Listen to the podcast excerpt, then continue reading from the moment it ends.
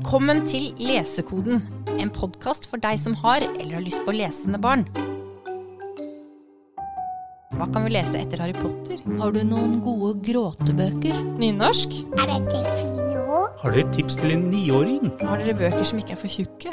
Krig og sånn? Har dere noen bøker om følelser?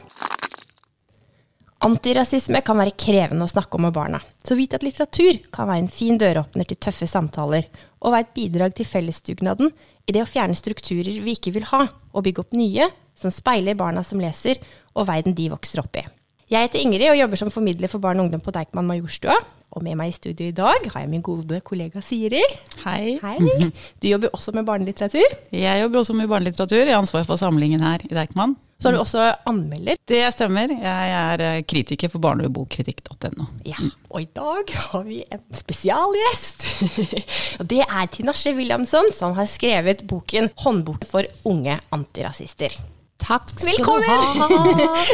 Det er veldig hyggelig å være her. Ja. Ja, Og det var fantastisk å ha fått grepet tak i deg, fordi det skjer veldig mye rundt deg og boka for tiden. Ja, nå koker det ganske greit i gryta. Ja, den traff. Den traff. Det er veldig veldig hyggelig. Det er veldig stort og emosjonelt at um, de årene på barneskolen kunne bli til dette her. Det er nesten for mye for meg. Jeg husker at jeg så tittelen på en bokliste i våres, og jeg tenkte at yes, en sånn bok trenger vi. Så gratulerer med det. Tusen takk. Kan du fortelle oss litt om bakgrunnen for at du tenkte nå skal jeg skrive bok? Ja, under Black Lives Matter så snakket jeg veldig mye om dette her. Og så var det noen forlager som tok tak i meg. Og så var det Cappelen Dam som sa hvilken bok skulle du ønske var på skolebiblioteket da du vokste opp? Og da tenkte jeg jeg skulle så innmari ønske det var en bok som tok for seg hvordan barn og voksne kunne snakke om rasisme, både de som har kjent det på kroppen, og de som ikke har kjent det på kroppen. Nesten viktigst for de. Og eh, at folk skulle vite hva rasisme er, hvor, hvordan det føles, hva hudfarge er, hvorfor har vi forskjellig hudfarge. At det kunne være en bok der man kunne snakke om disse tingene som egentlig er litt vanskelige. Jeg føler jo veldig at vi har verktøy for å snakke med barna våre om overgrep, f.eks. Vi har sånn 'stopp, det er min kropp', grensesetting, og at de barna skal ha det i ryggmargen, at de skal si fra til oss hvis et eller annet skulle skje. Og det er en vanskelig samtale å ta med barna våre, at vi må si at det er noen voksne som gjør litt sånn ugreie ting. Mens rasisme, det snakker vi ikke med barna våre om, men det er jo allikevel ganske fatalt, da. Så jeg ville skrive en bok som gjorde det lettere å ta den samtalen. Du har jo også gjort et poeng ut av at du har måttet ta den samtalen med datteren din, at det har vært litt mer presserende. Men det er også, eller det er ikke et men, det jeg syns er veldig bra med boka di, at det er jo gitt ganske mye plass til solidaritet. Ja, Hvordan, eh, hvordan støtte andre og være med på, på dugnaden. Det har vært veldig viktig for meg, og nå er den boka bygd opp sånn at det er forskjellige karakterer. Det er meg som er leserstemmen, på en måte fortellerstemmen, og så er det forskjellige karakterer med forskjellige etnisiteter, bakgrunner, religioner og hudfarger, som går gjennom de forskjellige kapitlene. Jeg tror det var veldig viktig nettopp fordi at mangfold og representasjon er så viktig. Jeg ville at hvert barn skulle åpne den og se seg selv representert. Og så ville jeg så innmari at det skulle være en følelse av at alle mann på dekk. Vi skal jobbe med dette her, alle sammen. Det er viktig at både de som har kjent det på kroppen, og de som ikke har kjent det på kroppen, jobber sammen for å, for å være antirasister, rett og slett. Det er jo en bok som, eh, når jeg ser den omtalt, står um, oppgitt data sånn fra ni år. Det er jeg uenig i. Ja, jeg eh, syns absolutt at eh, alle som går på barneskolen, kan eh, lese den. Jeg tror også nesten, det, det kommer litt an på foreldrene eller den som leser med barnet, da, at den, kan, den kan brukes aktivt enda litt nedover i alder òg. Jeg tror også det, så lenge man leser den sammen med en voksen, Ja. og at man kan tilpasse språket litt. Um, Og da vil jeg også gi honnør til Thea Jacobsen, som har illustrert den. hun er helt fantastisk. Ja. Den er veldig eh, vakker og fargerik, og mm. liksom glad av å lese den. Og det er jo litt bra! til et så alvorlig tema, det at den faktisk eh, representerer mye glede. Det er veldig kult, da, fordi det er jo dystre ting vi snakker om. Og det er litt sånn tungt og, og vondt, men jeg hadde så lyst til at det skulle være en sånn kampbok med masse håp allikevel, og det syns jeg Thea har klart å, å få fram veldig, da. Jeg er helt enig. Apropos kamp. Siri, du hadde, når vi snakka på vei inn i studio her, så hadde du em, noe på hjertet. Ja, eh, for jeg har jo da også lest boken og liker den veldig godt og tror den er utrolig viktig. Og tenker jo at eh, jo tidligere, jo bedre. Så jeg er enig med dere at den kan man virkelig presentere for ganske unge barn. Nei, jeg reagerte på en anmeldelse av den i Aftenposten hvor du fikk kritikk for å ikke provosere mer. Og jeg er veldig uenig i den kritikken, da, for jeg tror du gjør veldig klokt i å trå varsomt og heller ikke ønsker å provosere, men heller invitere folk inn til en samtale og inkludere. Så jeg syns det er veldig bra at ikke du er ute etter en du er ute etter en kamp, men du er ikke ute etter å Jeg er ikke etter, ute etter en Dra slåss, liksom. Nei, det er akkurat det. Og jeg, det er et bevisst valg uh, jeg har tatt, og sånn som jeg alltid har kommunisert om rasisme og antirasisme, at jeg ønsker dialog, jeg ønsker at vi skal snakke sammen. Og jeg er helt enig i at jeg ikke er enig i den anmeldelsen akkurat når det gjelder det, fordi jeg føler at hun, eller anmelder, har en oppfatning av hvordan jeg skal håndtere rasisme og antirasisme. At jeg skal være mye sintere. Det er ikke det at jeg ikke er sint, men det er ikke, det er ikke den måten jeg har lyst til å kommunisere på. og Det er ikke den måten vi faktisk kan få til en forandring på. Det er at vi snakker sammen, og at vi har en dialog. Og jeg kan ikke stå og skrike folk i ansiktet om at liksom, dette er rasistisk, og og det, du er rasist. Da er det mye bedre at jeg setter meg ned og sier jeg reagerer på det du sa nå. Hva er grunnen til at du velger å ordlegge deg på den måten der?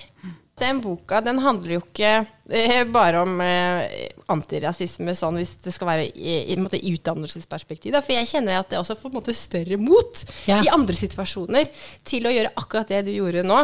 Til å bare så rolig si 'dette er jeg uenig i'. At det er greit. Ja. Jeg tror jeg spesielt mange kvinner kan føle litt sånn på Åh, skal jeg si fra, skal jeg si fra? Men at generelt en bevegelse for å si ifra når vi er uenige. Ja, og klare å, å gjøre det på en sånn måte som gjør at man kan komme ut av det og ha lært noe alle sammen. Og kanskje man har klart å så et frø hos noen som kanskje sår et frø et annet sted, og til slutt så vet man jo liksom ikke hva man kan få til, da. Nei, men jeg tror folk fort liksom går litt i sånn forsvarsposisjon, at det er jo ikke så mange generasjoner siden vi ble presentert et veldig stereotypt bilde av afrikanere eller mørkhudede mennesker generelt. Så jeg tror at mange på en måte har det så i seg, sånn at de kanskje ofte trår feil uten å egentlig mene noe vondt i det, men, men så er det det, og de må lære på en måte at dette, sånn er det ikke vi kan snakke, eller sånn er, kan vi ikke si, eller Men så er man, blir man mer i en sånn aggressiv posisjon fordi man ikke vil bli beskyldt for å være rasist. Nå er jeg litt usikker på om jeg var litt uklar i hva jeg prøvde å men, Jeg tror jeg forstår hva du mener. Ja. Det er, jeg har et kapittel der som heter 'Hold kjeft, onkel Kåre'. Mm. som handler om nettopp Det er jo mye vanskeligere å si fra til de vi er glad i. Mm. Til de vi eh, respekterer og ser opp til, gjerne, som, som sier sleivete eller direkte rasistiske ting. Det er veldig vanskelig å si fra. Kan vi si fra til bestemor som bruker N-ordet? Og som si- alltid har gjort det. Ja, som alltid har gjort det. Kan vi si fra til onkel Kåre som sier noe rasistisk eller sleivete rundt bordet eh, under julemiddagen? Ja, det kan du. Og det er viktig at du gjør det. Ja, for det at vi hadde jo en liten runde i Deichman nå for ikke så lenge siden, mm, hvor vi eh, diskuterte hva gjør vi med alle disse barnebøkene, bildebøkene, som fremstiller eh, afrikanere eller Afrika, eller jeg blir redd for å trå feil selv, men at man fremstiller dem stereotypisk og, og helt feil. Og da merket jeg at en del av disse bøkene var jo gode barndomsminner for mange. Fordi det var jo det de hadde lest da de var små. De hadde lest om babaer hvor eh, de innfødte blir fremstilt som små barn og kannibaler. Sånn at det at du plutselig skulle plukke de bøkene ut av samlingen, gjorde at de indirekte følte seg beskyldt for å være rasister. Fordi en del av den kulturen som da de hadde vokst opp med, plutselig var rasistisk. Jeg Eh, tenker at vi er i evig utvikling. Vi lærer så lenge vi lever, og as we go along, og få det bort. ja, jeg er jo helt enig Få det bort, og så kan folk si ja, men det er et godt barndomsminne, men til hvilken pris? Til hvilken pris? Hvor viktig er det for deg? Er det viktig for deg å tviholde på noe som er sårende for noen andre? Ja, men, men for mange tror jeg det var rett og slett litt sånn vanskelig da, å si at de skulle vi ta ut av bokhyllene fordi de hadde så mye gode minner med det. At det var mye av grunnen til at man måtte ha en diskusjon rundt det. Kunne det være så farlig? Men jeg er helt enig med deg. Jeg syns du skal ut. Jeg syns ikke neste generasjon skal lese eller se eller bli presentert for sånne bøker, uansett om Jeg du har en vit eller... syns en det er dårlig gjort overfor eh, de som, eh, som kjenner at de er på mottakersiden av det stereotype. Og så syns jeg det er dårlig gjort ovenfor de, de hvite barn da, som skal sitte og lese og bli presentert for stereotyper. Det er dårlig gjort i begge ender, og hvor viktig er det å beholde det? Ikke viktig i det hele tatt når du ser det i den store sammenhengen. Vi er på vei, skuta må ditover, og da må Vi må videre. Vi Da må, må vi videre. må videre. Jeg er helt enig, vi må videre. Tilbake til, um, til barndom. Eh, Du nevnte innledningsvis skolebiblioteket, Ja. som jeg da gjetter er i Vormsund. Ja.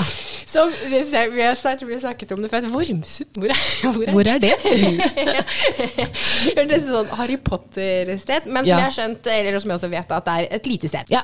Der er du vokst opp. Og så har du røtter i Zimbabwe. Ja. Eh, Jeg bodde på Grünerløkka fra jeg var to måneder til jeg gikk i andre klasse på barneskolen. Og så flytta vi da til Vormsund, som er et lite sted en time utenfor Oslo ca. Som eh, tidlig 90-tallet ikke var eh, veldig inkluderende, for å si det mildt. Hvordan eh, så skolebiblioteket ut?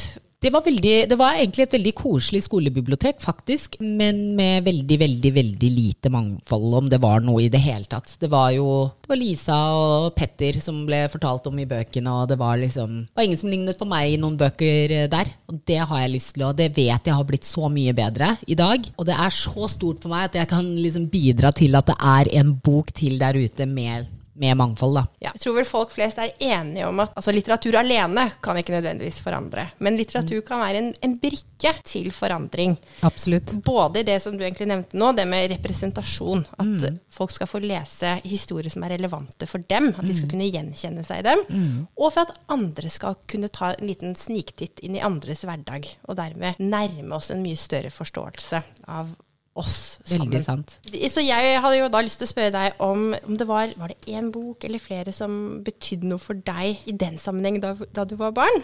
Jo, jeg hadde en bok som søskenbarnet mitt tok med fra London, husker jeg. Og eh, der var det om en jente som eh, var mørk i huden, var veldig kul, og hun skulle hun skulle begynne å danse. Det var den store drømmen hennes om å begynne på dans. Så det var liksom bare helt sånn eh, Sikkert kjempekjedelig historie, men det var bare det å kunne bla og se at det var eh, noen som ligna på meg, da. Så jeg husker den boka, men jeg husker ikke noen spesielle andre, egentlig. Jeg tror også mange som, som snakker om, om litteratur som tar for seg mangfold, da, at, det, at vi også kanskje går gjennom liksom ulike faser. At, eh, at vi kanskje nå er i en sånn begynnende fase, nettopp fordi det ikke har vært så mange bøker som tar mangfold på alvor. At vi må litt gjennom en fase hvor det er litt sånn direkte. Nå skriver vi inn ulike farger på hovedpersonene og problemstillinger som er knyttet til det, mens vi beveger oss mot drømmen, da. Som er at, at, at det er helt naturlig. At ikke det liksom er problematiserende. Nei, jeg, jeg tenker at jeg har lyst til å bare lese en eh, barnebok der, der det ikke blir kommentert. At noen av de slemme sier at hun har rart hår. At det ikke blir kommentert at hun blir kanskje erta fordi at hun ser annerledes ut. At det bare ikke er It's a no-brainer. Sånn at det ikke nevnes engang. Det er bare en historie om ja, Om rett og slett. Ja. Ja, og så tenker jeg at eh, hvis vi alle har disse tingene, hvis vi har mangfold og representasjon i ryggmargen alle sammen, så er det dit vi kommer til å ende opp til slutt. Hvis alle sjefer tenker at jeg vil ha en mangfoldig arbeidsplass, hvis alle som jobber i blader tenker jeg vil ha mm, eh, mangfoldig folk på coveret, hvis alle tenker på dette her, så kommer vi til å ende opp akkurat der hvor vi har lyst til å være, som er der alle kan se seg selv representert. Alles oppgave å ha det i ryggmargen og tenke på det.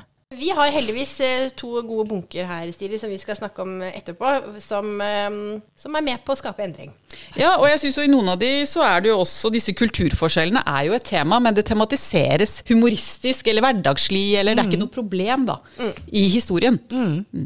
Har dere, eller har du noen bøker hjemme som du liker å dra fram som favner? Ja. favner? Jeg er veldig glad i eh, min bok, da. Nei, jeg, er- jeg er veldig glad Hver i kveld trekker dere den. Nei, jeg er veldig, veldig glad i eh, Jeg har to jenter på 11 og 3, og så har jeg og hun på 11 alltid lest 'Natta av eventyr for rebelske jenter'. Ja. Elsker, og så har det kommet nå en, en av de med 'Black Girl Magic'. Og det er jo veldig stort for henne å liksom se alle disse fantastiske Jeg husker jo Ref Mangfold og representasjon da vi fikk MTV. Og da hadde jeg ikke sett noen som ligna på, på meg på norsk TV ever. Så det var liksom veldig stort. Så jeg tror å liksom sitte og bla i Så vi sitter og leser det, da. Um, Syns den er veldig kul. Den har jeg også nettopp fått og lest i. Og der er det jo bare mørke kvinner som Ja. både er eh, redigert og skrevet og illustrert. Du sa jo innledningsvis at du som barn leste en bok som du hadde fått av kusinen din mm. i England. Og det er egentlig et hot tips til alle som hører på, at det er jo ikke alt som er å få tak i i butikken, men Deichman har ganske stort sortiment av bøker på engelsk som ikke er oversatt til norsk. Og der er det ganske mye større mangfold. Det ser jo jeg som uh, sitter og kjøper inn bøkene, at uh, vi må kjøpe inn en del engelske bøker. Men jeg syns de har blitt bedre på norsk, og en del flere blir oversatt. Men at det er lettere å finne bøker hvor uh, havfruen er mørk i huden, og Ja. ja, hvor det bare er sånne historier som eh, Ja, hvor det er selvfølgelig. mm, Hvor det er selvfølgelig. Mm. Da tror jeg er gjennom de eh, spørsmålene jeg tenkte å stille. Tinashe, har du noe du ønsker å si til, til folket? Les bøker, vær obs på det er, veldig, det er litt gøy. Nå drar jeg boka mi igjen, da, men her, her er jeg. Men jeg har en mang mangfoldsbingo inni der, og det er liksom litt sånn for å Litt sånn for at vi skal bli trent i å være obs på hvor mangfoldig det er rundt oss, og favorittingene. Så jeg tenker bare sånn, les bøker, og tenk på hva slags bøker det er man leser. Om de heier på mangfold. Tusen takk for at du kunne være med oss i dag. Tusen takk for at jeg fikk komme. Det er, eh, jeg har aldri vært det før. Syns jeg er så fint. Her skal jeg komme. Og kanskje skrive bok nummer to. Takk for meg! Nå, Siri, nå skal vi snakke om bøker som på ulike måter fremmer nettopp mangfold. Ja.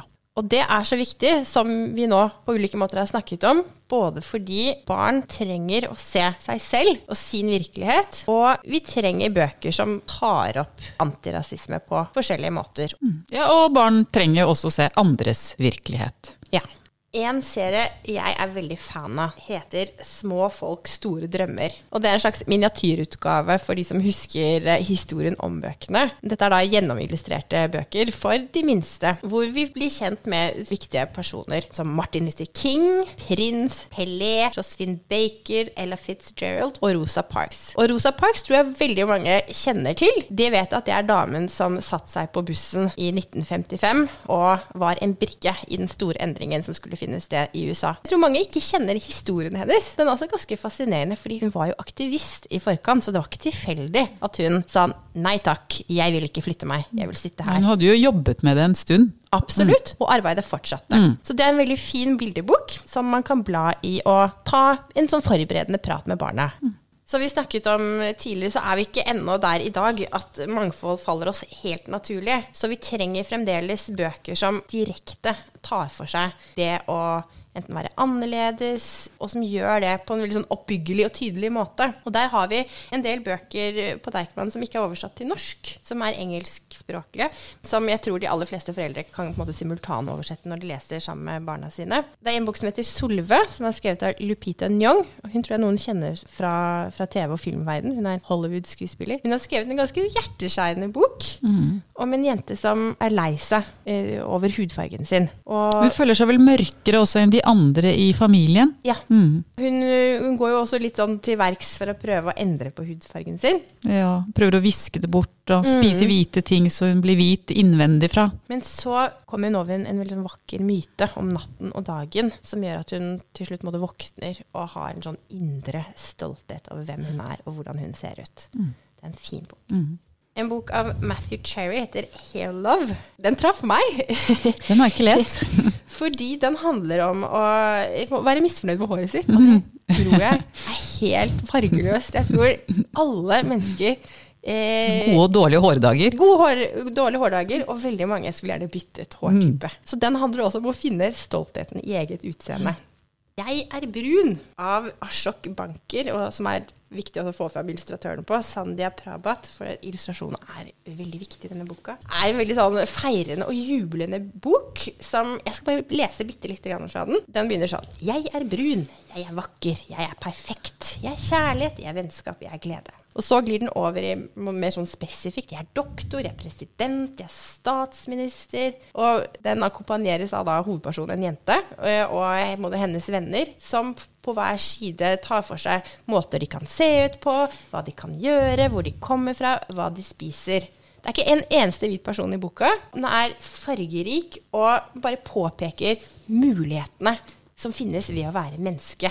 Om vi ber i en moské eller en helligdom, om eh, Skal vi se Om vi spiser nudler eller biff eller tagliatelle. Vi er glade og stolte over hvem vi er.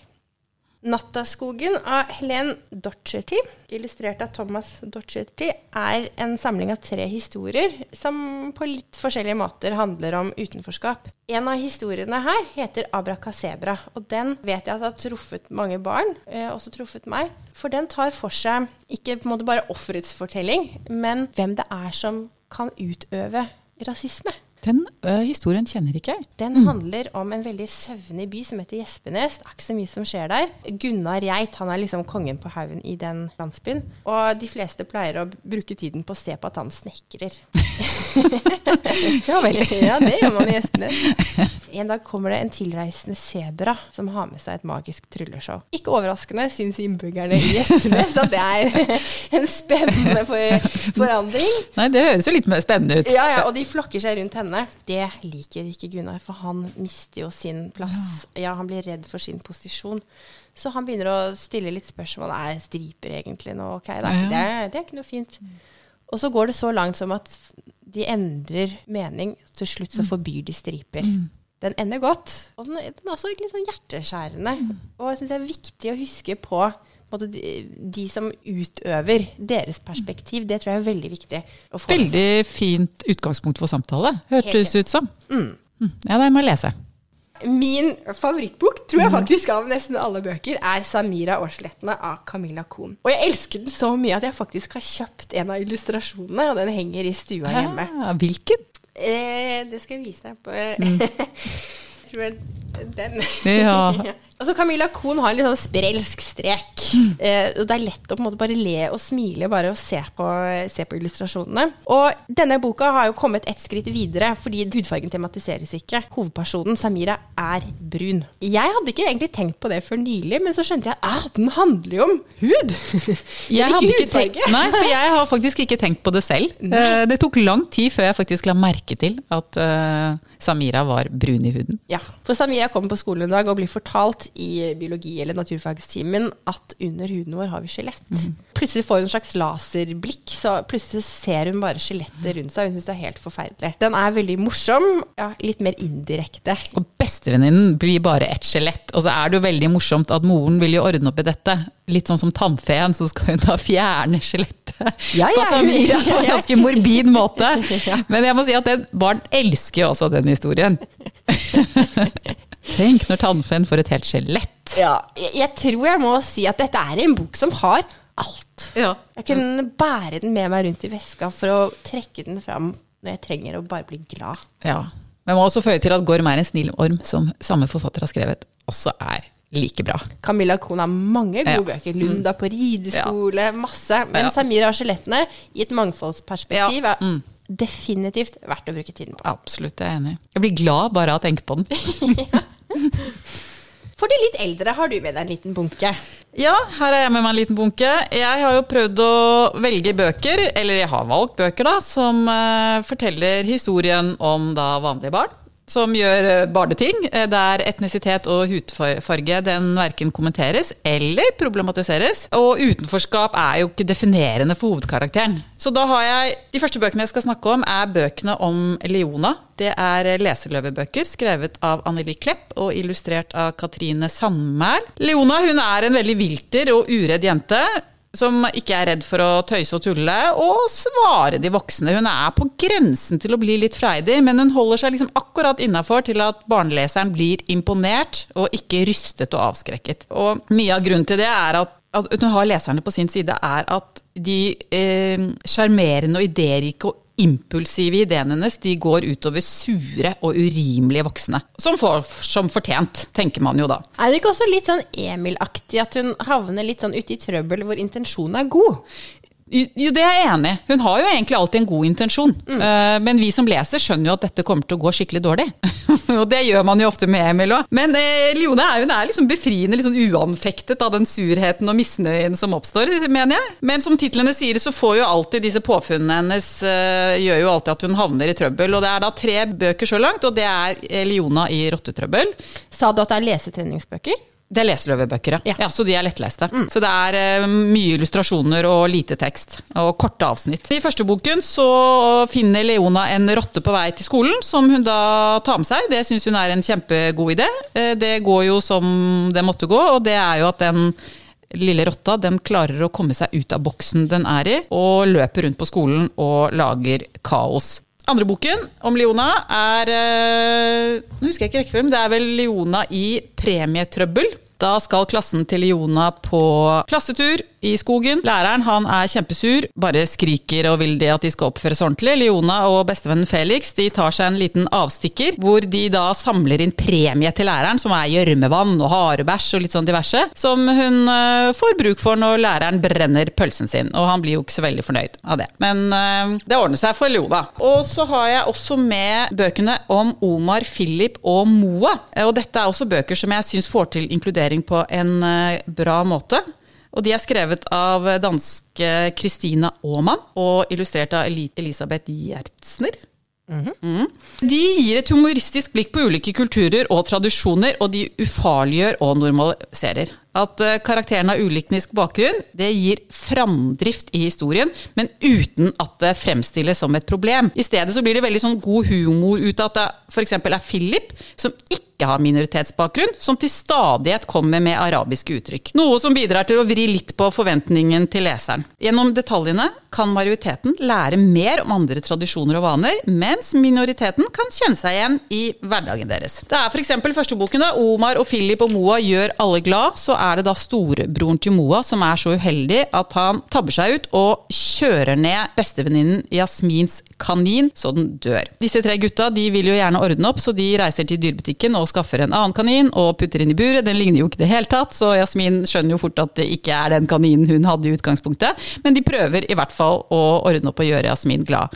Eh, Men de finner ut at eh, de kanskje skal gi denne døde kaninen da en, eh, en litt verdig begravelse. I den begravelsen så blir jo man da også kjent med muslimsk begravelsesseremoni, når de da legger denne kaninen i jorda. Veldig, veldig morsom bok. En uh, bok nummer to, det er Omar og Philip og Moa og saken med den mystiske rumpevannkannen. Og der er de på besøk hos onkelen, mener jeg husker, og han har på do en eh, kanne som han eh, vasker seg i rumpa med etter at han har gjort sitt fornødne, som da er mer vanlig i arabiske land. Og dette syns jo Philip er helt utrolig, men de klarer å lure han til at det er en ånd i den flasken som vil oppfylle ønsker, og det tror han på, og tilfeldigvis så blir noen av de ønskene de da kommer med, oppfylt.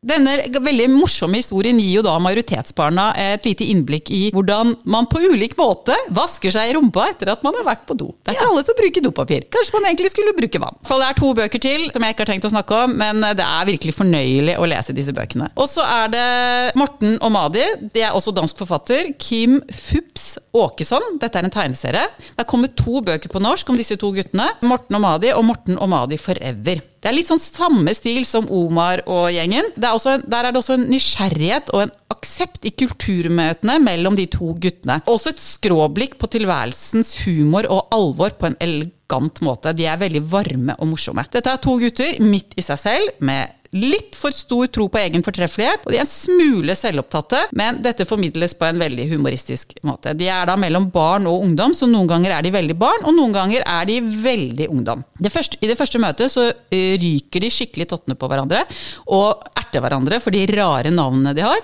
Eh, og etterpå konkluderer de med at de har fått seg ny bestevenn. Det er også noen sånne scener hvor Morten spiser eh, rosiner og erter eh, Madi fordi han ikke kan få spise fordi det er ramadan, men det er en vennskapelig knuffing og ikke en mobbing av hans religion. Er, de er typisk gutter for alderen, de tenker stort, har store drømmer. Da de finner en tomflaske f.eks., så klarer de å gire seg opp på en sånn stor forretningsidé hvor de skal liksom lage stor forretning ut av dette, og de skal ansette folk, og de skal tjene masse penger, og tenker at det er veldig sånn typisk for gutter i den alderen. Eh, Og deres hovedbeskjeftigelse er jo da også å spille dataspill, og det er en scene som er veldig gjenkjennelig for alle mødre som har barn som liker å spille dataspill. Eh, Når man da skal spise middag, og man skal få disse barna til bordet, og de bare blir sånn Hæ, vi er midt i et online-spill! Vi kan jo ikke slutte nå! Så det er mange sånne scener som du som voksen også kan kjenne igjen. Dette er virkelig bøker som oser av overskudd og fortellerglede. Og det er tegneserie. Det er tegneserie. Og så har jeg tatt med meg en tegneserie til. For å få litt, balans, litt kjønnsbalanse her. Og dette er da 'Prinsesse alle sine dager' av Katie O'Neill. Dette er en søt, kvikk og bitte lite grann hesblesende tegneserie som er stappfull av mangfold i alle varianter. Her tar man opp kvinnekamp, fremmedfrykt, forventningspress, kjønnsroller, søskenrivalisering, ikke dårlig, og det er magi, enhjørninger, drager og heltemodige innsatser. Og ikke mindre enn to prinsesser som ikke helt klarer å oppføre seg som det forventes av prinsesser. Og en prins som føler på forventningspresset til sin prinserolle. De to prinsessene, det er en mørk og en hvit, er heltene i historien. De er like tøffe, like kjappe i replikken, like viktige for hverandre, og de må redde hverandre litt, begge to. Historien tar et humoristisk oppgjør med kjønnsrollen i eventyren, og det er tydelig at forfatteren har et budskap, og det går kanskje litt på bekostning av historien, men det gjør ikke noe, for boken er kvikk og morsom og med søte tegninger, og den er vel verdt å lese. Jeg syns også at den kanskje vil rekke Litt over mye. litt mye, men ut ifra der vi er i dag, så er det greit.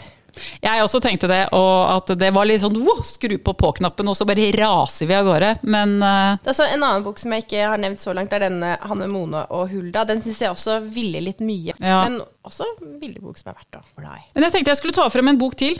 Vi snakket jo da i stad om eh, boken eh, Håndbok for unge antirasister. Jeg må bare holde tunga rett i munnen. Vi bare også nevne at det har kommet ut en bok som heter Håndbok mot rasisme, som er eh, gitt ut av Minotenk, med en forside av te en tegning av Benjamin eh, Hermansen. Og dette er en bok for litt eldre barn, og den retter seg veldig mot lærere og skole. Den har den samme kombinasjonen av eh, faktatekster og personlige historier som den boka til Tinashe, men også noen praktiske oppgaver man kan jobbe videre med og reflektere over. Og det er begrepsavklaringer, det er historiske bakeblikk, det er Norges behandling av samer, som ikke er veldig pen, og hvordan man kan håndtere rasisme på skolen og i klasserommet. Og så er det personlige historier fra flere kjente folk, som Guro Sibeko og Josef Johannes og Seshan Shakar, som viser hvor vondt og urettferdig den strukturelle rasismen er, men da også hverdagsrasismen. Den boka kan også lastes ned gratis som PDF på nett. Ja, det er sant. Mm. Hos Minotenk, Ja. som er utgiveren. Og der vil jeg bare si at det, det er et litt sånn spennende utgangspunkt, fordi Minotenk har blitt til eh, gjennom i 2009 så arrangerte Abid Raja et uh, allmøte på Litteraturhuset for å ta opp um, en del sånn minoritetsproblemstillinger. Og så, etter det møtet, så ble det så åpenbart at man trenger liksom en organisasjon eller et organ som kan jobbe videre med de spørsmålene. Og det er da blitt til Minotenk. Da har vi jo vært gjennom litt av hvert. Det er bare å komme til oss her på Deichman for flere tips. Og som jeg også påpekte, bøker på engelsk som er mangfoldige, er også å finne i hyllene hos oss. Og så blir det flere og flere, heldigvis, Ja. som klarer å skrive mangfoldig. Hva var det? Det var lyden av lesekoden som knakk. Dette er en podkast fra Deichman, hele Oslos folkebibliotek.